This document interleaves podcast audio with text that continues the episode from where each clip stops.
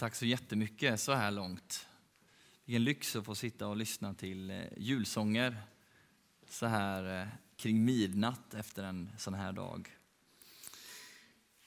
Gud, vi vill tacka dig för pengarna som vi har samlat in och vi ber att de skulle få komma den till del som verkligen behöver ett möte med dig. Kläder på kroppen eller mat för dagen. I Jesu namn. Amen. Några enkla herdar är ute och vaktar sina får mitt i natten. Så ser det ut för några av karaktärerna i den här berättelsen. Och plötsligt så uppenbaras en ängel på fälten. Och de ser den tydligt och klart. Och ängeln talar till dem om en nyfödd frälsare. Och möjligheten att få besöka den här lilla pojken inne i Betlehem. Och strax efter det så uppenbaras en hel himmelsk här med änglar som sjunger ut ett budskap. Men innan vi läser vad det är de sjunger så tänker jag att vi behöver stanna upp och ställa oss ett par frågor. Eller åtminstone en. Hur gör du när du vill berätta någonting som är angeläget? Jag kan berätta hur mina barn gör. De säger till exempel så här, ofta ropandes. Pappa, Ester äter upp mitt godis. Eller om det är något som är ännu viktigare, som de dessutom är överens om, så kan de säga Kom, kojan rasar, skynda! Visst är det så att när någonting är viktigt, då förstärker vi det genom att använda en starkare röst, kanske utropstecken om vi skriver en text. Och det kan vi verkligen tala om i den här texten. För när en hel himmelsk här med änglar i kör sjunger ett enda budskap, då blir min enkla slutsats, det här måste vara viktigt. Här har vi någonting otroligt centralt i den här texten som ni har hört år efter år, många av er. Jul efter jul. Och vad är det de säger? Ära åt Gud i höjden. Ära åt Gud i höjden. Och fred på jorden ibland människor. Använder vi en, en, en äldre översättning så står det Ära vare Gud i höjden och frid på jorden bland människor. Och jag vet att det är många som är bibelsprängda i de här bygderna, så ni vet säkert redan att det grekiska grundordet här betyder både frid och fred. Därför använder vissa översättningar frid och andra fred. Därför egentligen så är det vackra att det handlar om både och.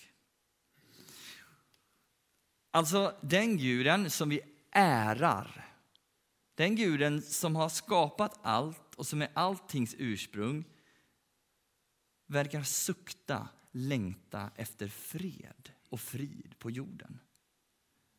Det är så centralt att änglarna sjunger det i kör där på fälten den natten då Jesus föddes.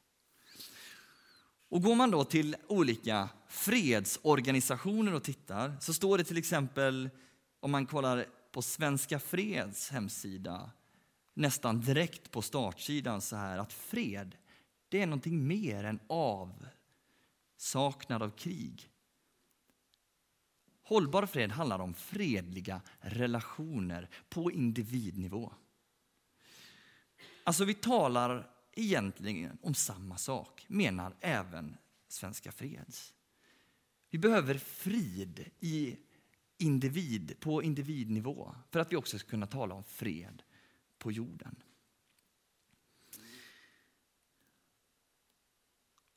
Och jag tycker det låter som, om man tänker att det börjar någonstans med frid här inne för att vi ska kunna också ha fred ibland människor. Som att, vi, att fred handlar om att vi behöver göra plats för andra människor i våra liv. Och det var ju egentligen det som inte hände i evangeliet, som ni nyss hörde. När Maria och Josef kommer gåendes in i Betlehem, en höggravid, ganska fattig otroligt trött kvinna så är det ingen som öppnar sin dörr. Det finns inte plats för dem någonstans. Ingen kommer på idén att säga välkommen in. Det finns plats för er här hemma hos mig. Värdshusen är fulla. Ingen tar emot dem. Till slut öppnas en liten möjlighet i ett stall. Vet ni, när påven kom till Sverige för ett antal år sedan då rullar man ut röda mattan på Arlanda, nej, Malmö flygplats var det. Och så eskorterades han av självaste svenska statsministern Stefan Löfven, både till kungaparet och sen till domkyrkan i Lund, där man nästan tog emot honom som en rockstjärna. Folk skrek och ville få syn på honom.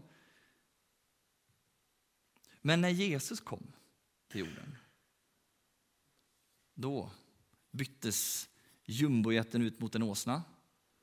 Den röda mattan, ett stampat jordgolv. Och de där fansen som tog emot påven, ja men det kanske var några enkla herdar eller märkliga vetenskapsmän eller stjärntydare. Det var allt.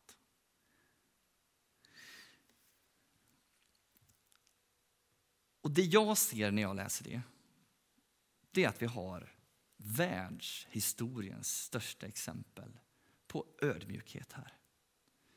Och jag vet inte om ni har tänkt på det, men när vi är i konflikt med varandra, så länge vi fortsätter att komma gentemot varandra med beskyllningar, med olika åsikter om hur saker och ting gick till eller så vidare, så kommer vi aldrig att närma oss varandra.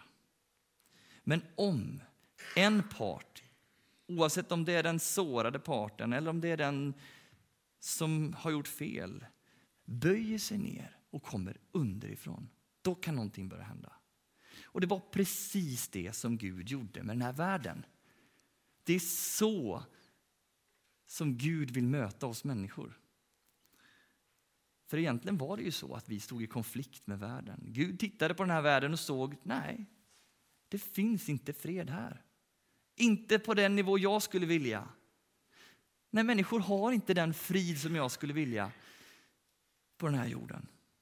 Och vad gör han? Jo, han kommer underifrån.